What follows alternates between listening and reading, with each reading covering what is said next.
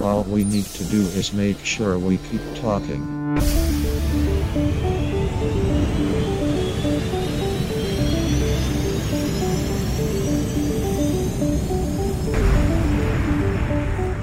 Przed mikrofonem Borys Kozielski, witam serdecznie w kolejnej audycji serii Nauka XXI wieku.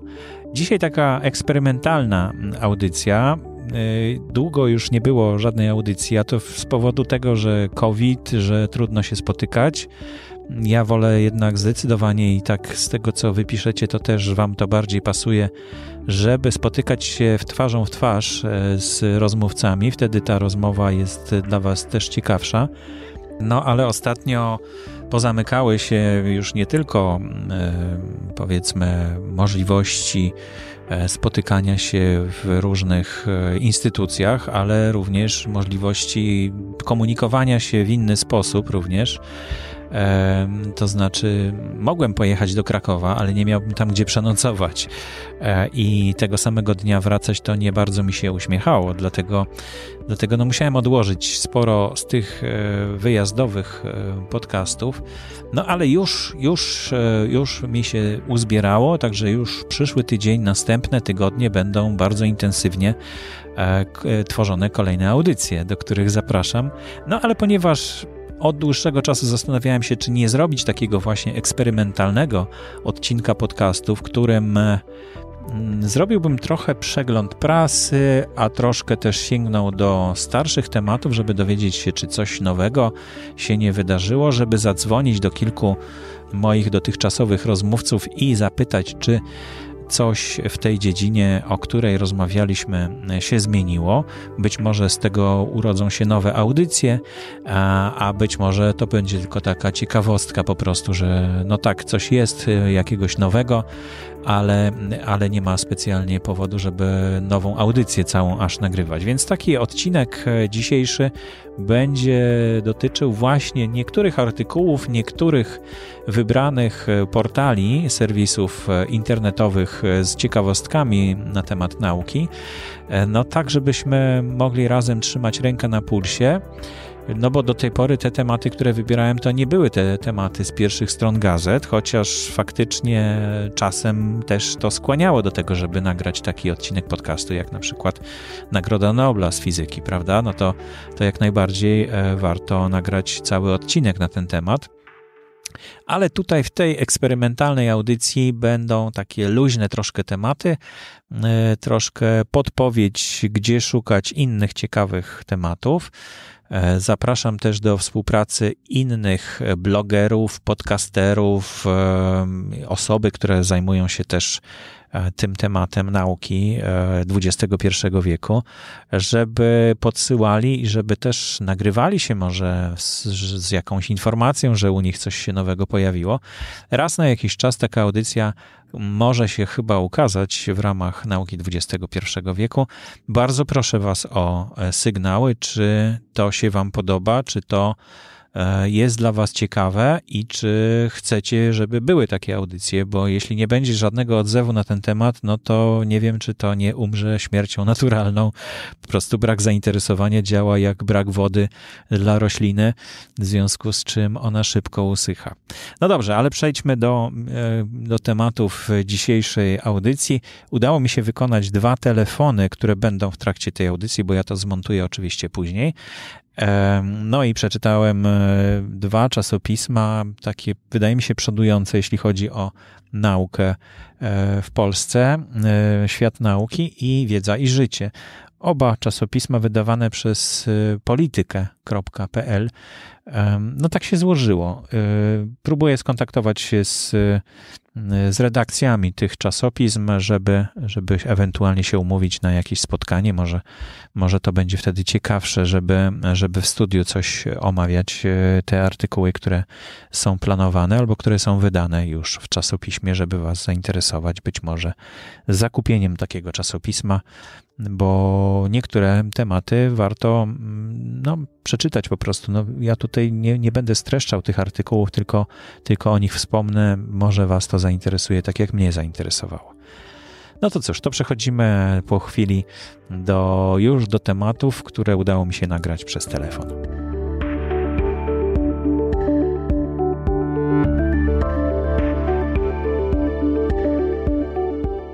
Za chwilę wpadniemy w środek rozmowy z profesorem Tomaszem Sulejem, paleontologiem, z którym nagrywałem niedawno dwa odcinki podcastu Nauka XXI wieku. Połączyłem się z nim telefonicznie. E, to powinniście wiedzieć, że e, będziemy rozmawiać o kocurach, o takiej miejscowości w województwie opolskim, a reszta się wyjaśni w trakcie rozmowy.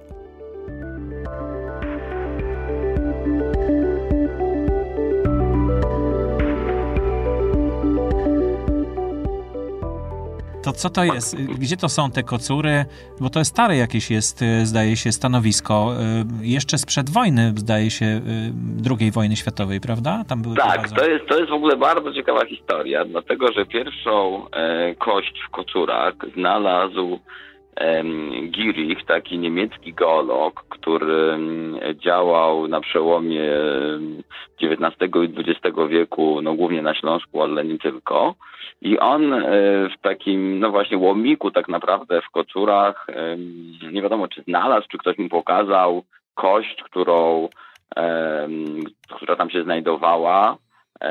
I, i, I później ją przekazał do muzeum w Hamburgu i tam trafił na nią von Hyun, który e, w latach dwudziestych, e, no właśnie XX wieku opisał tą pojedynczą kość jako kość strzałkową dinozaura z późnego Triasu o nazwie Velocipes girich, na cześć Giricha, szybka stopa właśnie na cześć Giricha. No i, um, i, po, i po, po wojnie, drugiej wojnie, jak, jak okazało się, że kocury są w Polsce, to to jest chyba najstarsze znalezisko, jeśli chodzi o dinozaury, tak, w Polsce? No generalnie tak, tylko że jakby zabawne jest to, że, że e, w zasadzie to ta kość, o tej kości zupełnie zapomniano i nawet e, jest wiele publikacji, które no, wspominają tego Velocipesa, ale piszą, że, że okaz zaginął i go, i go nie ma. I dopiero studenci e, z właśnie z Wydziału Biologii Uniwersytetu Warszawskiego z Koła Naukowego postanowili tam napisać i odszukać ten okaz. I rzeczywiście tam kustosz tego muzeum na ich prośbę, na ich prośby, bo na, na początku napisał, że nie ma tego okazu, że on został zniszczony w czasie bombardowań, ale później okazało się, że w jakimś pudełku w piwnicy ten okaz jednak, jednak jest. I co ciekawe, w tej publikacji von Huna nie było napisane dokładnie skąd ten okaz jest.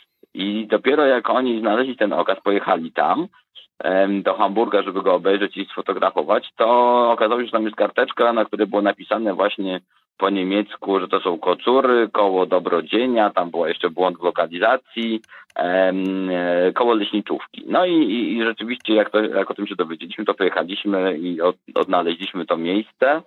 Um, I e, nie mogę dokładnie powiedzieć, w którym miejscu ono się znajduje, no bo, no bo tam trochę się obawiamy kolekcjonerów, takich Turystów, dzikich tak? kolekcjonerów, tak? dzikich handlarzy, żeby nam nie, nie zebrali tego materiału. E, w każdym razie prowadzimy tam rzeczywiście wykopaliska.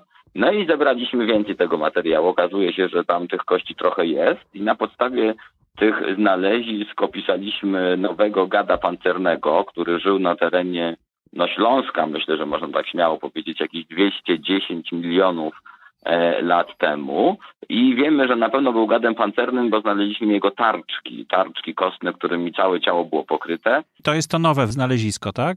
Tak, ja teraz opowiadam co udało nam się znaleźć już w Kocurach, no bo wcześniej to była tylko jedna kość, a nam się udało znaleźć te dwie tarczki tego gada pancernego i udało nam się znaleźć jego kość e, szczękową. I ta kość szczękowa jest tutaj kluczowa, dlatego że ona nie jest podobna do żadnego innego gada pancernego na świecie, a te gady generalnie to były taka grupa etozaurów. One w Polsce występują w Krasiejowie, w Porębie, a na świecie i w Ameryce Północnej, Południowej, w Indiach, w Niemczech, w Afryce, także one na Grenlandii, także one rzeczywiście no, w tym późnym triasie wtedy były rozprzestrzenione i jest ich, no myślę, że kilkanaście, jeżeli nie kilkadziesiąt e, rodzajów. Teraz tak z głowy nie pamiętam ile dokładnie, mm -hmm. no bardziej kilkanaście. No i okazało się, że ta, kocury, ta kość szczękowa po do niczego nie jest podobna. Oznaczyliśmy ją jako nowy rodzaj, kocury Peltas sylvestris. No i właśnie, i mamy te tarczki kostne zupełnie inne niż te, które znajdujemy w Krasiejowie czy, czy w Porębie. Także jest to no, takie wyjątkowe miejsce. A oprócz tego, tego gada pancernego znaleźliśmy tam też szczątki żółwi. No i te szczątki bardzo fragmentaryczne niestety pancerza, kawałki pancerza, ale, ale bardzo podobne do tego żółwia z poręby. Dlatego w zasadzie to napisaliśmy, że to jest Proterochethys porębensis. Taki jak, no jest najstarszy żółw tak naprawdę na świecie znany z poręby, z, z Niemiec i właśnie teraz z Kocur. No i tam jeszcze, jeszcze dodatkowo znaleźliśmy e, płytę zębową ryby twutycznej, ale też taką bardzo dziwną. No niestety to jest tylko jeden okaz, więc baliśmy się trochę no, zaliczyć od jakiegoś nowego gatunku czy też rodzaju. E, ale pewnie by trzeba było, bo jest, no, nie przypomina niczego, co znamy z późnego tria. Mm -hmm.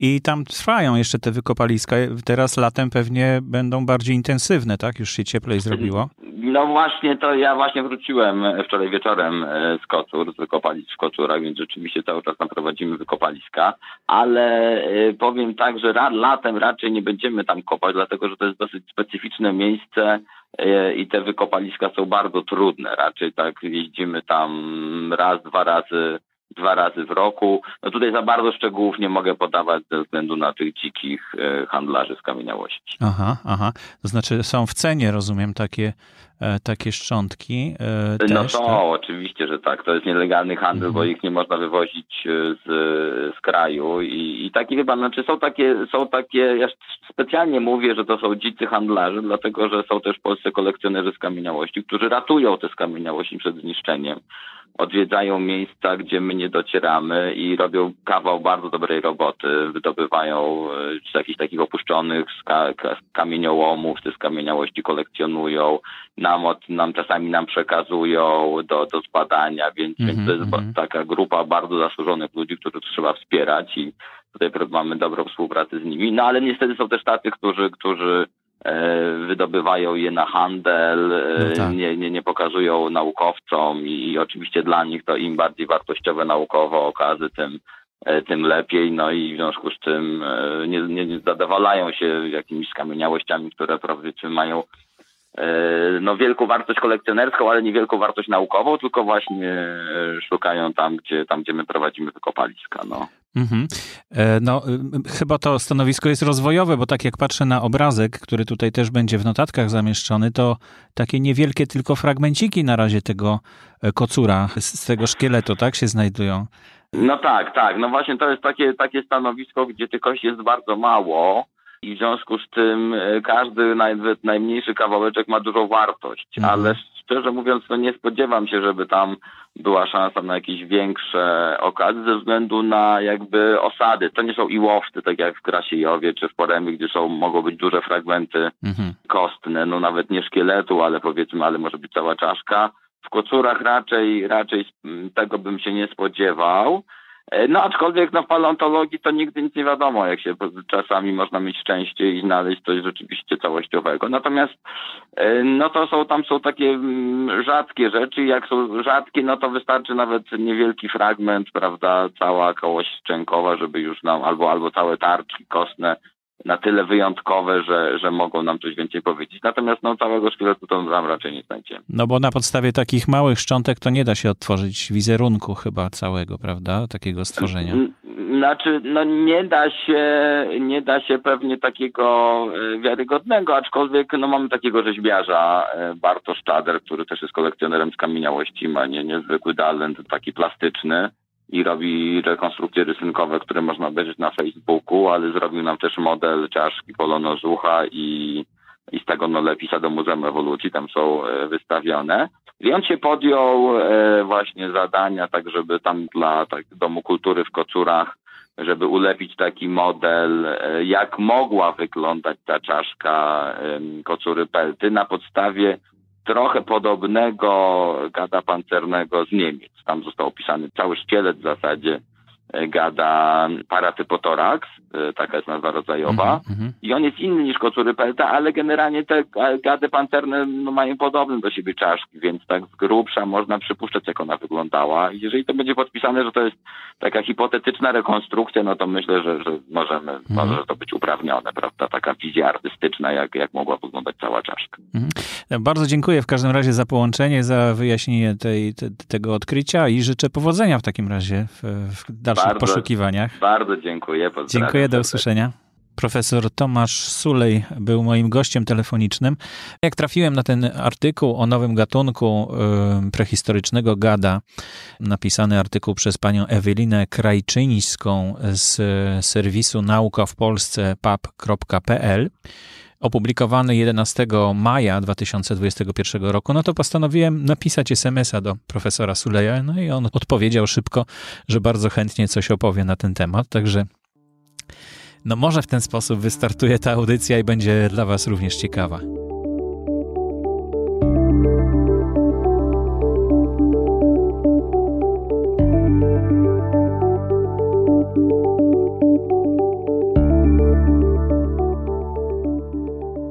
Mam przed sobą czasopismo Wiedza i Życie z maja 2021 roku. No i tutaj znalazłem kilka ciekawych artykułów, między innymi o tym, jak e, e, odkażać w czasie pandemii i czy zamgławianie i ozonowanie są skutecznymi formami odkażania.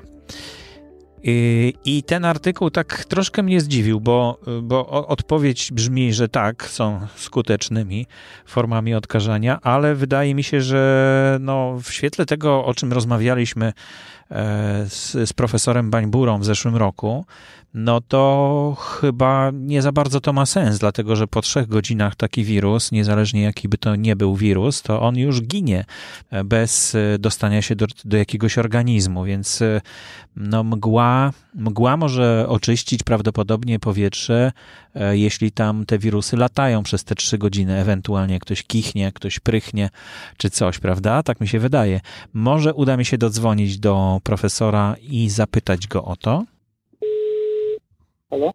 Halo, dzień dobry, Borys Kozielski się kłania. Panie profesorze, nie wiem, czy pan mnie pamięta, rok temu nagrywaliśmy odcinek podcastu Nauka XXI wieku na temat wirusów. Tak. Chciałbym się zapytać, czy, czy coś nowego mm, się wydarzyło od tego czasu, na, jeśli chodzi o wiedzę na temat wirusów na przykład? Znaczy, to rozumiem, że od naszego spotkania nie oglądał pan telewizji. Nie no, oglądałem oczywiście. E, Dużo, dużo na temat tego konkretnego wirusa się dowiedzieliśmy, ale czy, czy jakieś badania na temat wirusów e, poszły naprzód, że tak powiem, ogólnie, jeśli chodzi o wszystkie wirusy? Proszę pana, no w Polsce, w Polsce jest ze 200 osób w sumie, tak kiedyś obliczaliśmy, które się tym zajmują. Ostatnio wirusologów nam się w ogóle namnożyło i sądząc po programach telewizyjnych mamy ich kilka tysięcy. No tak, to właśnie już pan mówił w zeszłym roku, tak A pamiętam. któryś tak, a któryś jest bardziej, co, co, co, coraz więcej e, wie na ten temat. Niedawno dowiedziałem się, że pewien pan, który jest e, psychoterapeutą, wypowiadał się na tematy związane ze szczepieniami dotyczący, e, ze szczepieniami przeciw COVID-19, więc mowę odzyskałem po 15 minutach, ale to już jest zupełnie inna sprawa.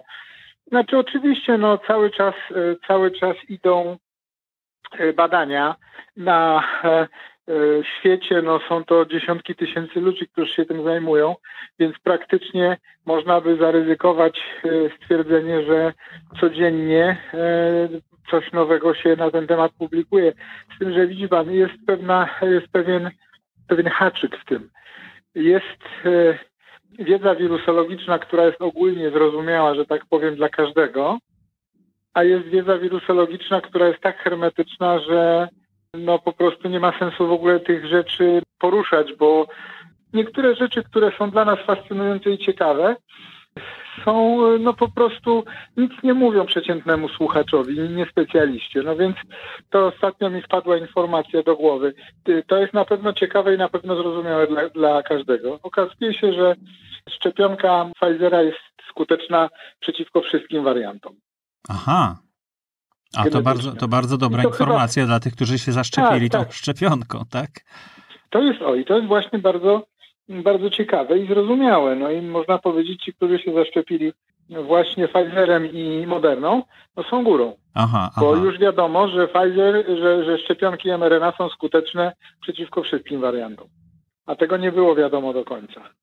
No tak, czyli aha, to już wynika z badań jak gdyby późniejszych, To jest- tak? To znaczy z, Tak, z to już tego... ze statystyki wynika. Ze statystyki. Wiele mhm. rzeczy, o wielu rzeczach dowiemy się, dowiemy się za rok, za dwa. Trafiłem na taki artykuł y, w Wiedzy i Życiu, czy zamgławianie i ozonowanie są skutecznymi formami odkażania. Czy pan może się jakoś, y, jakoś nam podpowiedzieć na ten temat tutaj, bo w artykule jest oczywiście odpowiedź, ale tak budzi moje wątpliwości. Natomiast, y, znaczy tak, ja bym odpowiedział w ten sposób. Jeżeli mamy do wyboru nie zamgławiać i nie ozonować, albo to robić, to ja bym zdecydowanie to robił. Mhm.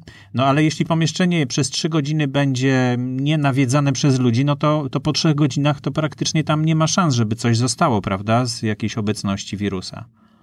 Nie, no tam mówię, to po trzech dniach, nie po trzech godzinach. Aha. Czyli po trzech dniach dopiero. On pozostaje, tak, on pozostaje aktywny poza, jeżeli ja go wykicham czy wykaszlę, to on się będzie unosił w powietrzu na tym mikroaerozolu, no gdzieś trudno mi powiedzieć, Japończycy robili szczegółowe badania na ten temat, ale powiedzmy, powiedzmy te 30 minut, godzinę, czy może trochę więcej, ale jeżeli osiądzie na, na sprzętach, na czymś, to pozostaje aktywny do trzech dni. Do trzech dni? Aha, rozumiem, czyli to Tak. dużo, dużo dłużej. Oczywiście, Mhm. oczywiście szansa na zakażenie jest minimalna w takiej sytuacji, ale wystarczy przeciągnąć ręką po klamce, która jest skażona wirusem i później powiedzmy wsadzić sobie palec do oka. No, No tak, i tego już nikt nie robi, ale czy- tak, ale w sumie się dotyka, w sumie się dotyka tak No. rękoma No twarzy. Mhm. Dobrze, no to dziękuję bardzo w takim razie za, to- za to wyjaśnienie. Bardzo proszę. E, Dziękuję bardzo i do usłyszenia, być może następnym razem. Dzięki, dzięki, do usłyszenia. Dziękuję.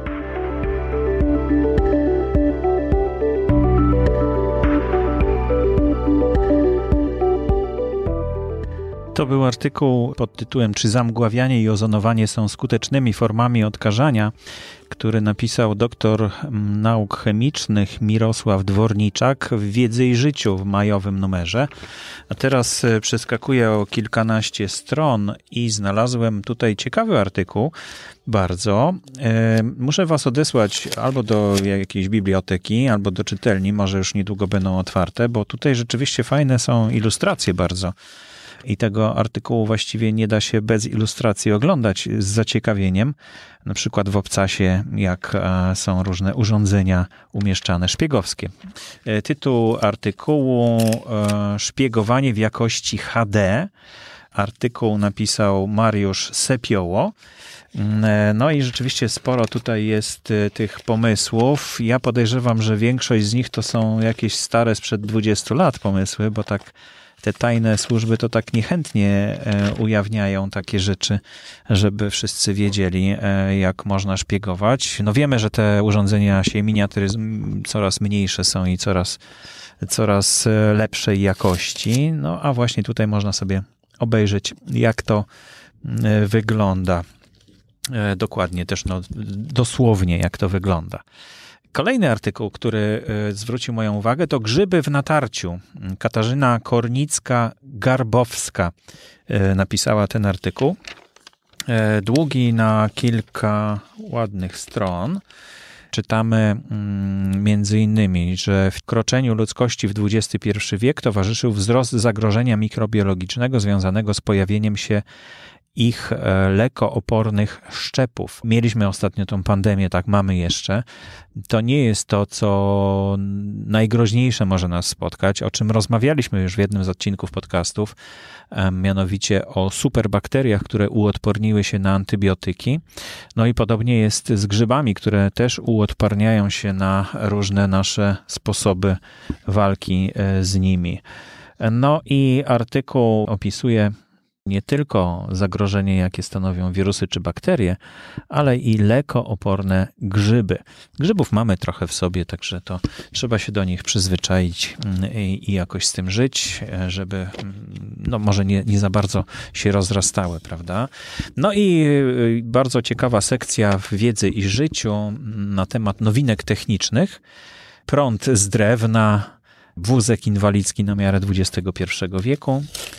E, co tu jeszcze mamy? Czytanie mózgu za pomocą ultradźwięków. To też ciekawa metoda na badanie mózgu, która, no, ultrasonograf, jeśli chodzi o mózg, prawda? To ciekawe. E, USG robi się EEG e ewentualnie, prawda? Czyli prądy się mierzy, a tutaj pomysłem jest, żeby przez ultradźwięki mierzyć czy badać, badać wnętrze mózgu. No i te ciekawostki tutaj są bardzo fajne, ciekawe. E, chip przewidujący burzę cytokinową, rektena to takie elektronika, która jest e, umieszczana na, e, na, na ciele bezpośrednio. I użyteczne mogą być wszechobecne fale radiowe do zasilania tego, takich urządzeń bo niosą one ze sobą energię, więc e, ciekawe wykorzystanie jest fal e, elektromagnetycznych, które są w powietrzu, które nas przenikają, do tego, żeby wytworzyć prąd, prawda? To bardzo ciekawy pomysł. E, no i to na tym zakończę już przegląd tego miesięcznika. Jeśli wpadnie Wam w ręce, no to, to warto zwrócić przynajmniej na te rzeczy uwagę. Sięgam teraz do świata nauki. Ciekawe są tutaj na przykład e, taki artykuł w telegraficznym skrócie e, pod hasłem skaner e, znajduje się kilkanaście fajnych, kilka tutaj fajnych ciekawostek bardzo. I może teraz je mm, przytoczę. Jak tylko znajdę okulary. O, są. Ok.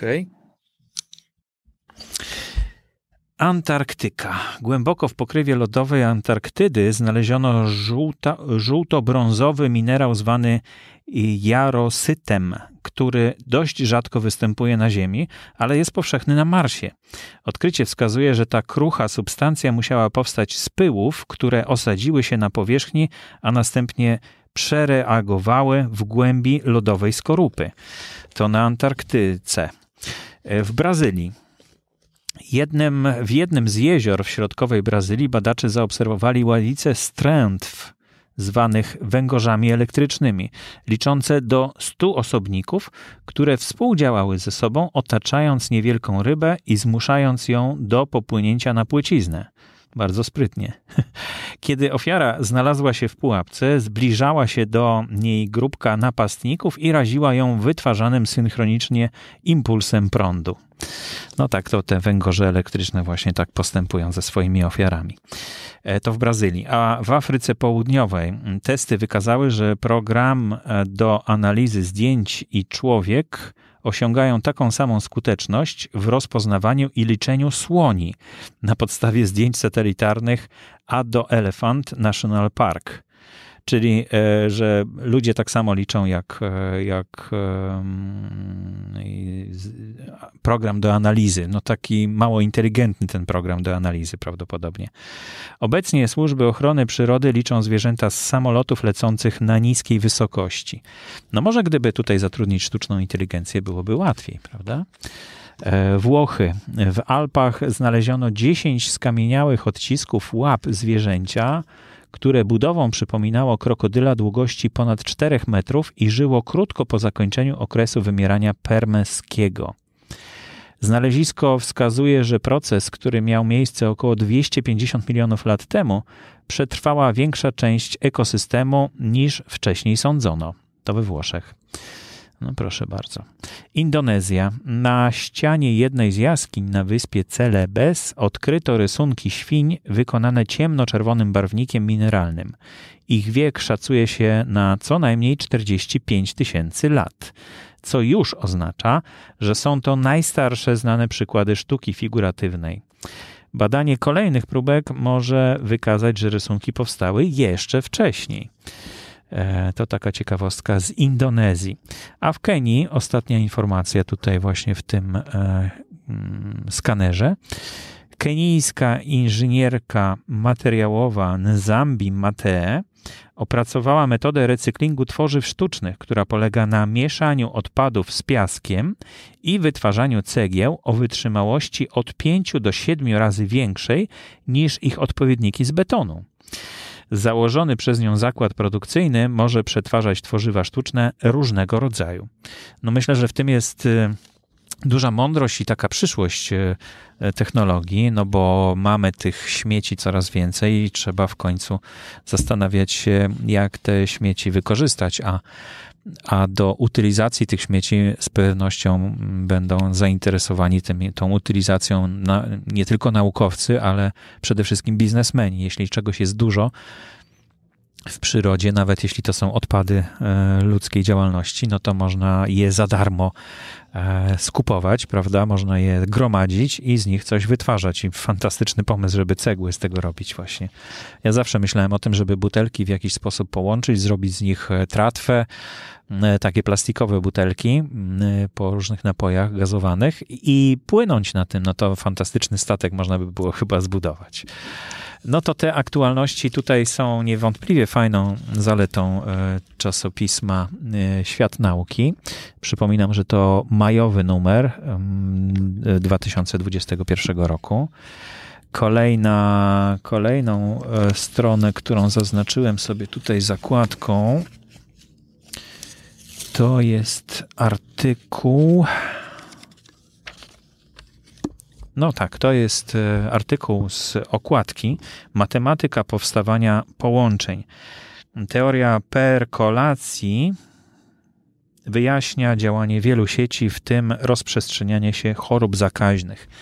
No to bardzo ciekawa mm, dziedzina nauki, która mm, bardzo ciekawie tłumaczy wiele, wiele takich e, trudnych e, do wyobrażenia sobie zjawisk, a właśnie poprzez poprzez tą teorię można, y, tutaj jest opisywana na przykład sieć mesh kratowa, jak ludzie pomiędzy sobą przenoszą i jak się spotykają i w jaki sposób też mogą y, tworzyć sieci, na przykład poprzez y, własne telefony komórkowe, które, które bezpośrednio ze sobą się komunikują, nie używając żadnej sieci komórkowej. No, ale to tutaj temat jest dosyć bogaty i raczej trzeba by było sięgnąć do tego artykułu, żeby, żeby go przeczytać, bo ja go wam nie streszczę. Mm, na przykład e, jest tutaj takie pytanie, na które naukowcy nie potrafią odpowiedzieć. E, kiedy co dla dowolnej sieci jest odpowiednikiem temperatury topnienia lodu lub wrzenia wody, bo tutaj właśnie jest taki, taka teoria, że e, w pewnym momencie jest jakaś graniczna temperatura, w której e, woda zamienia się w, w lód, prawda, w stałe ciało. I podobnie jest właśnie z tą liczbą ludzi, którzy mm, komunikują się ze sobą. Też w pewnym momencie następuje taka masa krytyczna, która powoduje, że no, szybciej następują e, przekazy pomiędzy nimi. E, w szerszym ujęciu, kiedy nastąpi moment, gdy mem stanie się wirusowy, czyli na przykład jeśli mamy jakiś mem w internecie, prawda, i niektóre z tych memów no, nie rozprzestrzeniają się, ale jest taka granica powyżej czegoś, co, co powoduje, że ten mem staje się interesujący dla innych na tyle, żeby go puszczać dalej, żeby, żeby on się szybciej e, rozprzestrzeniał. E, właśnie w szerszym ujęciu, kiedy nastąpi moment, gdy mem stanie się wirusowy, produkt zdominuje rynek, zacznie się trzęsienie ziemi, e, no bo też te ruchy tektoniczne Ziemi odbywają się cały czas, ale w pewnym momencie następuje właśnie jakaś taka graniczna, mm, e, graniczny taki, no taka, tak, taki punkt graniczny, powyżej którego to się zamienia w trzęsienie Ziemi. E, sieć telefonów komórkowych uzyska pełną łączność lub choroba stanie się pandemią. No bo choroba, jeśli jest właśnie, jeśli nie ma przekazywania pomiędzy e, ludźmi zakażenia, no to, to ona nie staje się pandemią i nie jest, e, nie jest nawet epidemią, prawda? Więc tutaj to właśnie teorie perkolacji umożliwiają wgląd we wszystkie te przemiany. E, także artykuł bardzo ciekawy. Fajnie byłoby zaprosić kogoś do audycji, żeby coś więcej na temat tych teorii powiedział. Będę szukał. Chyba, że mm, znacie kogoś takiego, to, to bardzo proszę o polecenie. E, to jest e, duży tytułowy artykuł z tego numeru. Na pewno zainteresuje Was e, ciemna materia, e, która jest tutaj opisywana e, też w tym numerze. Czy ciemna materia ujawni swoje tajemnice? Być może w nowym eksperymencie zobaczymy cząstki, które wymykały się poprzednim detektorom. To Klara Moskowic napisała ten artykuł. On jest przetłumaczony chyba na polski, bo tak tutaj chyba z większością artykułów w świecie nauki się dzieje. E, no więc e, temat ciemnej materii ciągle, ciągle jest na topie, a tutaj bardzo duży artykuł na ten temat, także to jest taki drugi, drugi jeśli chodzi o co do wielkości e, artykuł w tym numerze. Kolejny artykuł to fruwające potwory o biomechanice. To jest temat biomechaniki, którym są bardzo fajne ilustracje różnych takich potworów właśnie latających, między innymi takiego prawie konia latającego, Pegaza, więc y, też fajnie zobaczyć na te, spojrzeć na te ilustracje, o których też rozmawialiśmy, że Trudno jest na podstawie jakichś tam szczątków, e, czy takiego małego bardzo wycinka e, z, ze szkieletu, e, stworzyć obraz takiego zwierzęcia, które kiedyś być może E, występowało na Ziemi. No a te fruwające potwory, no to właśnie, e, to właśnie tutaj można sobie dokładnie obejrzeć różne ilustracje na ten temat, e, które na przykład też są tutaj wspominane w, na przykład w hebrajskiej Biblii. Anioły z, z hebrajskiej Biblii też tutaj tak wyglądają prawie jak te jak te stwory, które być może właśnie wtedy jeszcze gdzieś występowały na Ziemi takie bardzo, bardzo stare, e, jakieś duże stworzenia podobne do ptaków. E, kolejna, e, kolejny artykuł, który mnie bardzo zainteresował, to mm, artykuł na temat pod tytułem Co 80 dni nowy ty. Wymiana komórek jest masowa i bardzo szybka. No, nie wiedziałem, że aż tak dużo mamy komórek krwi, że to jest zdecydowanie e, największa liczba komórek e, w, w, w ciele każdego człowieka, bo one są bardzo malutkie, a jest ich bardzo dużo. I, ale nie wiedziałem, że aż tak. Także ten artykuł też jest, też jest godny polecenia. Mm, niedługo mam nadzieję spotkać się z hematologiem, no i będziemy też e, ten temat omawiać w normalnej, regularnej audycji Nauka XXI wieku. I to już e, wszystko z, e, z tego wydania Świata Nauki z maja 2021 roku. Od kilku tygodni obserwuję bacznie nowy podcast pod nazwą Radio Naukowe. Słucham wszystkich odcinków kolejnych, no i jestem w stanie i gorąco polecam ten podcast. Według mnie niesie wartościowe treści, a e, udało mi się porozmawiać e, z twórczynią tego podcastu. Do mikrofonu zaprosiłem dzisiaj Karolinę Głowacką. Po drugiej stronie tych wszystkich przewodów internetowych jest w tej chwili z nami. Dzień dobry. Dzień dobry, bardzo mi miło. E, a y, powodem jest to, że Karolina założyła podcast w grudniu 2020 roku pod nazwą Radio Naukowe. No i wyobraźcie sobie, że już w tej chwili, jak patrzyłem na, e, w katalogu, jest 40 kilka podcastów od grudnia. To prawda. Jak to się robi, że tak, że tak szybko się nagrywa podcasty? Um, troszeczkę zwolniłam, to od razu przyznam. Ja zaczęłam podcast z takim pomysłem, że będę oferować aż dwa odcinki tygodniowo, bo, bo wydawało mi się, że spokojnie dam radę, dlatego że ja jestem z radia i w radiu cały czas pracuję takim tradycyjnym, więc byłam przekonana, że po prostu nagrać rozmowy w takim tempie i je wypuścić, to nie będzie żaden kłopot. No, w trakcie tych miesięcy się uczyłam, że to jest jednak o wiele więcej pracy, żeby taki podcast również obrobić, bo ja je dość szczegółowo opisuję, tworzę takie e, mini artykuły. Mm, to wszystko ewoluowało w czasie. W każdym razie teraz mam jeden odcinek tygodniowo, również dlatego, że mm, pandemia, e, z którą cały czas trzeba mm, uważać i się pilnować, ale jednak jakoś tam E, słabnie. No a ja uruchamiałam podcast w takim bardzo trudnym momencie, więc w zasadzie wszystkie moje audycje dotychczasowe są nagrywane zdalnie po prostu ze względów bezpieczeństwa. Były nagrywane zdalnie, teraz powoli zaczynam przechodzić do spotkań bezpośrednich, tak zdecydowałam. E, I e, przez to, że to było zdalnie, to po prostu było łatwiej, bo wiele osób, wielu osobom było łatwiej się umówić w miarę szybko i, i nie było też dojazdów, dlatego właśnie miałam możliwość takiej, takiego szybkiego przygotowania tylu odcinków, e, ale jak mówię, teraz zdecydowałam się na trochę inną formułę, mianowicie jest jeden odcinek tygodniowo, a w międzyczasie e, na spokojnie, bo ja nie, nie wytrzymam z tak w cudzysłowie powiem małą, bo to każdy, każdy wybiera taką częstotliwość jak chce, e, ale ja mam po prostu w głowie tyle pomysłów, że mi jest tyle mało, więc w międzyczasie przygotowuję jeszcze seriale z, z, wydania specjalne, takie e, głębsze rzeczy, które planuję do, publikować dodatkowo poza tym jednym odcinkiem tygodniowo, ale tu jeszcze za wiele mogę, nie, nie, nie mogę zdradzić. Mhm. No, wulkan energii, z tego co słyszę. No, ale w ogóle to chciałem przedstawić e, Cię e, trochę słuchaczom, bo e, ja na przykład nie wiedziałem, że Ty w radiu jakimś, znaczy w TOK FM robisz audycję.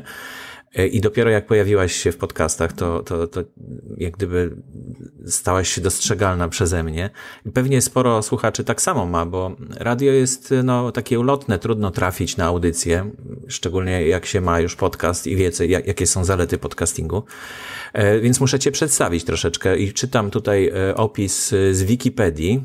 Myślę, że wszystko będzie dobrze, a jak coś nie tak, no to skoryguj. Mm. Karolina Głowacka, polska dziennikarka specjalizująca się w tematyce naukowej i technologicznej twórczyni podcastu Radionaukowe, współautorka książk, książek naukowych. Swoją przygodę z dziennikarstwem zaczęła w 2000... bym powiedziała bardziej. Mhm. Popularna. A, no to zaraz poprawimy. Swoją przygodę z dziennikarstwem zaczęła w 2008 roku w radiu TOK FM, gdzie przez kilka lat prowadziła m.in. Radiową Akademię Nauk, a także weekendowe poranki Radia TOK FM, w których zajmuje się głównie tematami społecznymi.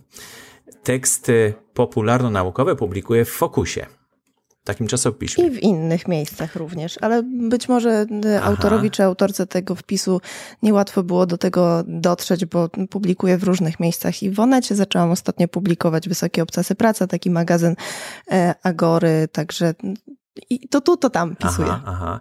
Dla telewizji TVN Style prowadziła program Cała Prawda. Opowiadała między innymi, odpowiadała między innymi na pytania, jakie produkty kupować, w jakie teorie naukowe wierzyć i jak w natłoku informacji w internecie zachować zdrowy rozsądek. Starała się też obalać mity dotyczące porad, jak powinniśmy żyć, jeść czy spać. To wszystko prawda. I tutaj najfajniejsze na koniec jest członkinią Komitetu Etyki w Nauce Polskiej Akademii Nauk. Pod koniec 2020 roku dołączyła do grona organizatorek kawiarni naukowej Festiwalu Nauki.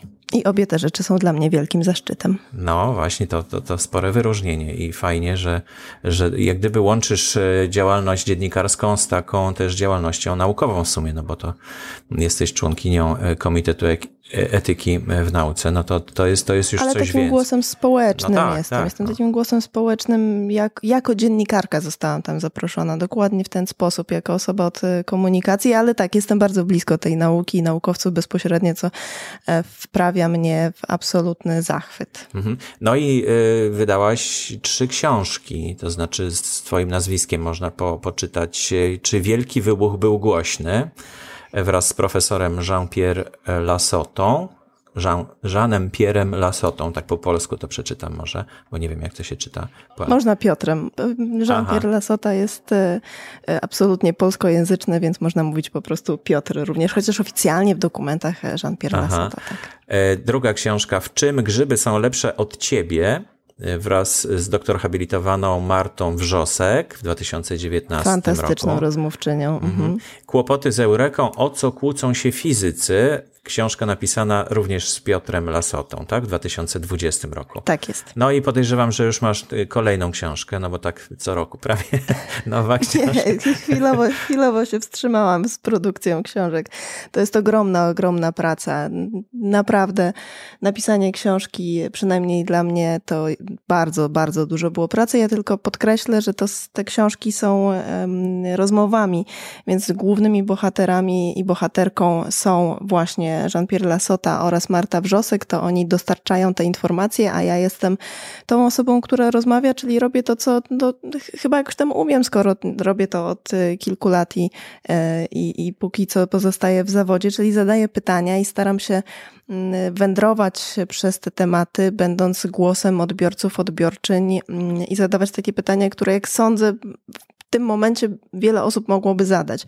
No i bardzo mnie to cieszy, bo często dostaję takie e, komentarze, maile mm, od odbiorców, czytelników, czytelniczek tych książek, czy słuchaczy moich rozmów, czy słuchaczek, e, że właśnie często te moje pytania są takie w punkt, takie idziemy razem za rękę przez ten niełatwy czasami świat e, nauki, ponieważ nauka i natura jest bardzo skomplikowana i staramy się o niej mówić prosto, ale jednocześnie w tych książkach zawsze mieliśmy ambicje, ja i moi współautorzy, żeby nie upraszczać e, za nadto, czy żeby to uproszczenie nie było powodem do przekłamania. Dlatego jesteśmy bardzo uczciwi e, wobec czytelników. Mhm.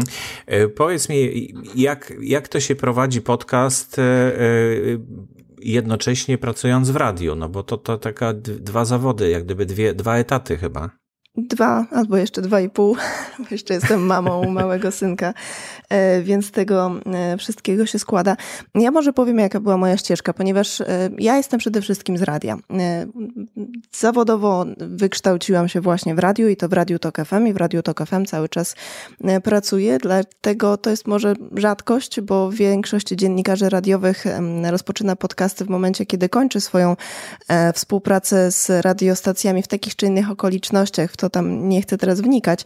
Natomiast ja swojej współpracy z Radiem Tok FM absolutnie nie zakończyłam i moja działalność podcastowa nie jest wobec Radia Tok FM żadną konkurencją. Jest y, po prostu elementem y, mojego, y, kolejnym, kolejną moją działalnością ponieważ chciałam się. Takim rozszerzeniem. Rozszerzeniem, mhm. tak, tak. To jest bardzo ważne, bo i to jeszcze raz podkreślę, właśnie to nie jest, nie jest jakoś tam w kontrze, czy to nie znaczy, że uważam, że radio tradycyjne jest gorsze, czy jakieś. Nie, nie o to chodzi. Ja po prostu czerpię z obu tych form komunikowania się pełnymi garściami, ponieważ radio tradycyjne daje coś innego, daje ten kontakt na żywo, daje szeroką publiczność, taką będącą tu i teraz z nami, daje też możliwość rozmawiania na tematy bardzo ważne dla wszystkich społecznie, bo ja owszem w Radiu Tok FM przez lata prowadziłam Radiową Akademię Nauk i tam pokochałam naukę.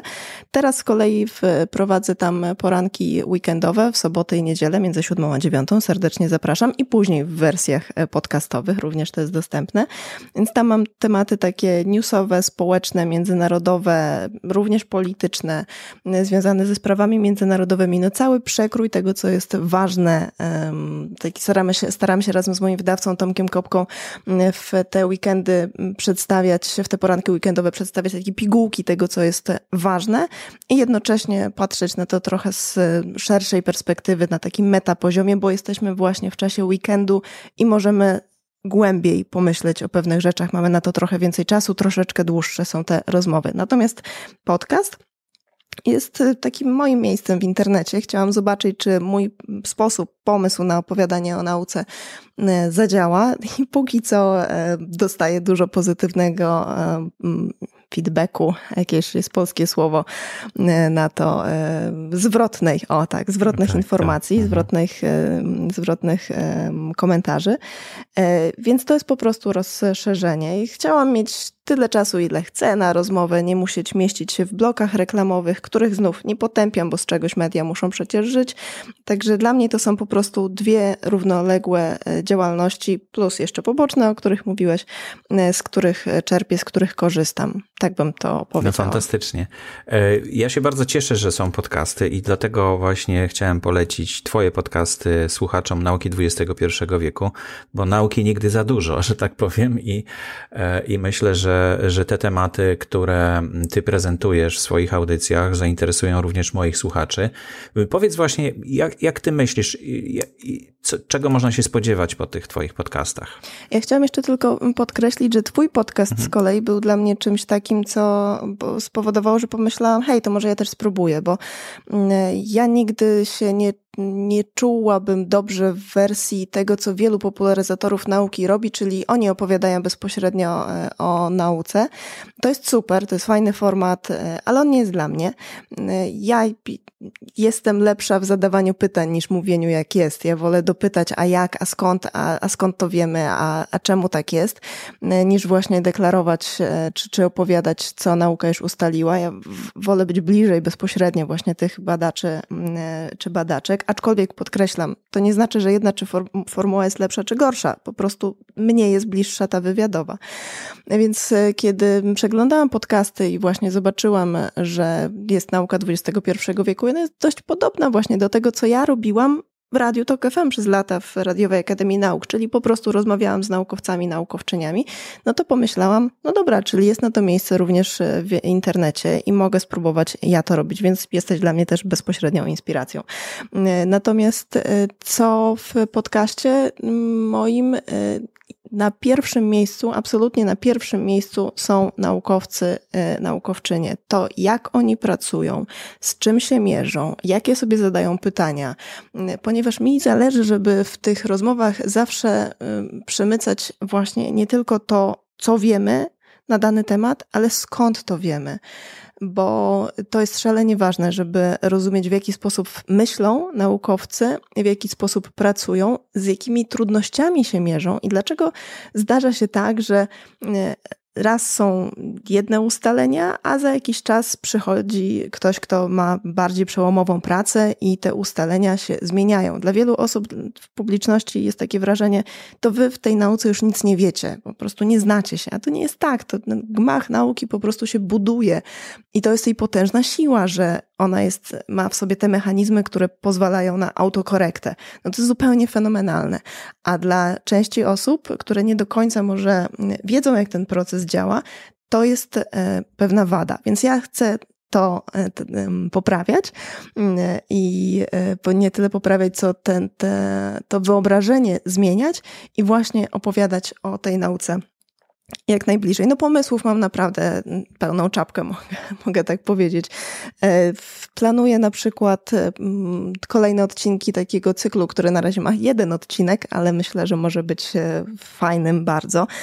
To jest odcinek, to jest cykl, który się nazywa Nauka mojej młodości i chciałabym rozmawiać z naukowcami, naukowczyniami już bardzo doświadczonymi zawodowo i wiekowo, jeśli mogę tak powiedzieć, życiowo o tym, jak ta nauka się zmieniała właśnie w czasach e, ich pracy zawodowej, bo to jest też fenomenalne, jak ostatnie dziesięciolecia zmieniły mnóstwo dziedzin. I ci ludzie albo sami to robili, albo byli tego świadkami bezpośrednio, mm, e, co, czego innego się uczyli na studiach, a właśnie dwie, trzy dekady później się okazywało, że pewne rzeczy trzeba było zweryfikować. Tych rewolucji, zmian, e, pójścia wiele kroków dalej było mnóstwo w różnych dziedzinach i to bym też chciała pokazać. Także w moim podcastie podcaście na pierwszym miejscu są badacze i badaczki.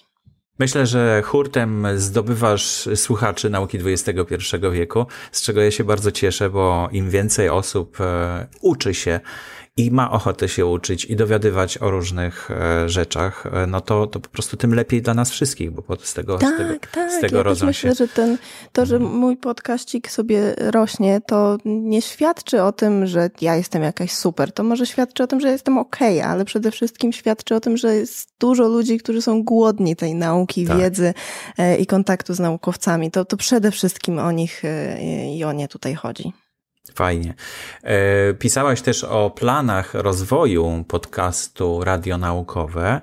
E, czy już są jakoś zweryfikowane te plany, czy, czy ciągle są tylko w planach? Czy już masz jakiś pomysł na to, jak to rozwinąć? Bo mówiłaś, że pisałaś o redakcji, prawda, żeby założyć redakcję radia tak, tak, tak, tak, tak, tak, tak, tak, tak, tak, tak, chociaż to jest jakiś taki plan duży, szeroki, hen, hen, nie wiem kiedy, bo no, to też kosztuje ogrom pracy. Wiesz, jak jest doskonale.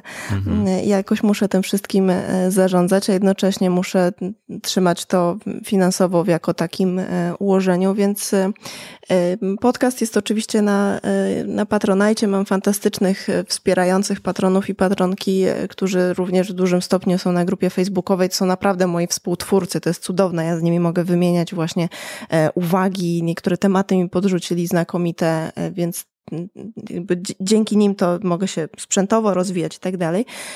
Natomiast to, co ja tam pisałam właśnie o tej redakcji, o czymś dużym, to to jest wizja taka big, duża, naprawdę mm-hmm, duża, mm-hmm. może kiedyś ewentualnie, ale nigdy nie chcę tego prze, przemieniać w takie radio klasyczne, linearne. To zawsze by było e, podcastownia, taki może właśnie więcej formatów, może kiedyś ewentualnie właśnie dodatkowi prowadzący w jakichś cyklach, e, w kawałkach, w miniserialach. Zobaczymy. Ja nie sądziłam, że podcast stanie się na tyle popularny w ciągu tych kilku miesięcy. Jestem zachwycona, dumna, wzruszona więc naprawdę trudno jest mi prognozować, co będzie za miesiąc, dwa, trzy czy, czy, czy za pół mhm. roku, ale mm, liczę na to, że radio naukowe będzie takim projektem, z którym spędzę ładnych kilka lat. No ja się bardzo cieszę, tak jak mówiłem, e, gratuluję i pomysłu, i wykonania, i tej energii e, i no, będę trzymał kciuki, żeby to się rozwijało. E, może nasze drogi jeszcze się gdzieś tam skrzyżują po drodze. Także dziękuję Ci bardzo za tą rozmowę.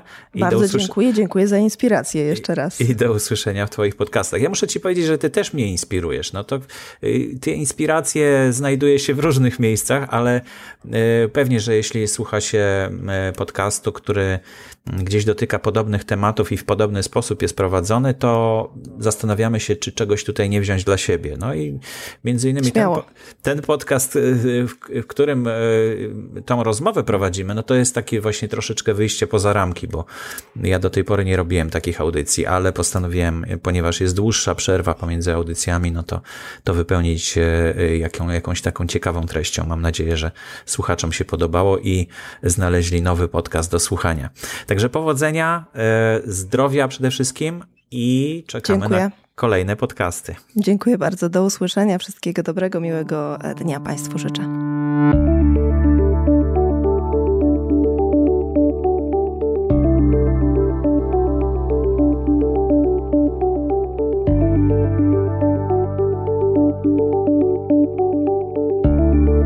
To był eksperymentalny odcinek podcastu serii Nauka XXI wieku pod tytułem Przegląd prasy. Nie wiem, jaki będzie tytuł ostatecznie, no ale tak, e, tak jakoś sugeruje chyba to, ta zawartość e, tytułu. W każdym razie zapraszam na stronę podcastu na Facebooku. E, Nauka XXI wieku. No i zapraszam również do mm, wsparcia, jeśli jeśli tylko uważasz, że ten podcast niesie ze sobą jakąś wartość dla ciebie, to zapraszam do wsparcia go. Bardzo proszę o wpłaty na patronite.pl ukośnik Borys Kozielski.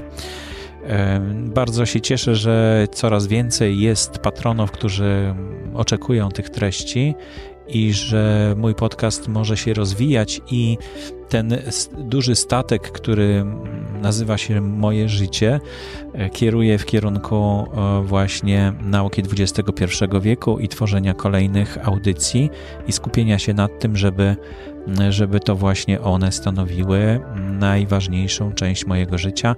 No bo to wy wskazujecie, to drodzy słuchacze, to wy kierujecie tą łodzią po części. E, ja oczywiście sam wybieram tematy. Jeśli ktoś ma coś do polecenia, to bardzo proszę. Zawsze takie sugestie są mile widziane, bo temat e, nauki XXI wieku jest obszerny jest w nim naprawdę dużo, dużo, bardzo dużo ciekawych tematów. A jeśli coś Was interesuje i mnie zainteresuje, to z pewnością będzie również e, w tym jednym z odcinków omówiony. Nauka XXI wieku istnieje od 2010 roku, no to już 11 lat. RSS i linki do subskrybowania znajdują się na stronie pod.link ukośnik nauka oraz w notatkach podcastu. No i to, co mogę polecić, to zapisanie się do e, listy e-mailowej, która powoduje, że jak się ukazuje nowy odcinek, dostajecie e-maila po prostu na, e, na waszą skrzynkę e-mailową. E, także wystarczy tam podać e-maila i zapisać się w ten sposób. E, link też jest w notatkach do podcastu, a notatki to po prostu opis podcastu, bo ostatnio tak rozmawiałem ze znajomą i powiedziała, że a gdzie, to są, gdzie są te notatki? Bo ona widzi opis podcastu, ale nie wie, gdzie są notatki. No notatki to są, to są znajdują się w opisie podcastu. E, czasem są też chaptery, chociaż akurat w nauce XXI wieku nie używam chapterów. E, wszystkie odcinki podcastu, także te przeznaczone wyłącznie dla patronów, dostępne są w Patronite Audio. Zapraszam do słuchania innych moich podcastów, których lista znajduje się na stronie podcasty.info ukośnik Borys Kozielski. To wszystko już dzisiaj. Dziękuję Wam bardzo. Życzę miłych e, dni nadchodzących, coraz jaśniej, coraz cieplej, coraz przyjemniej. E, więc korzystajcie i mam nadzieję, że ta pandemia w końcu się skończy. Do usłyszenia i do zobaczenia w lepszych czasach.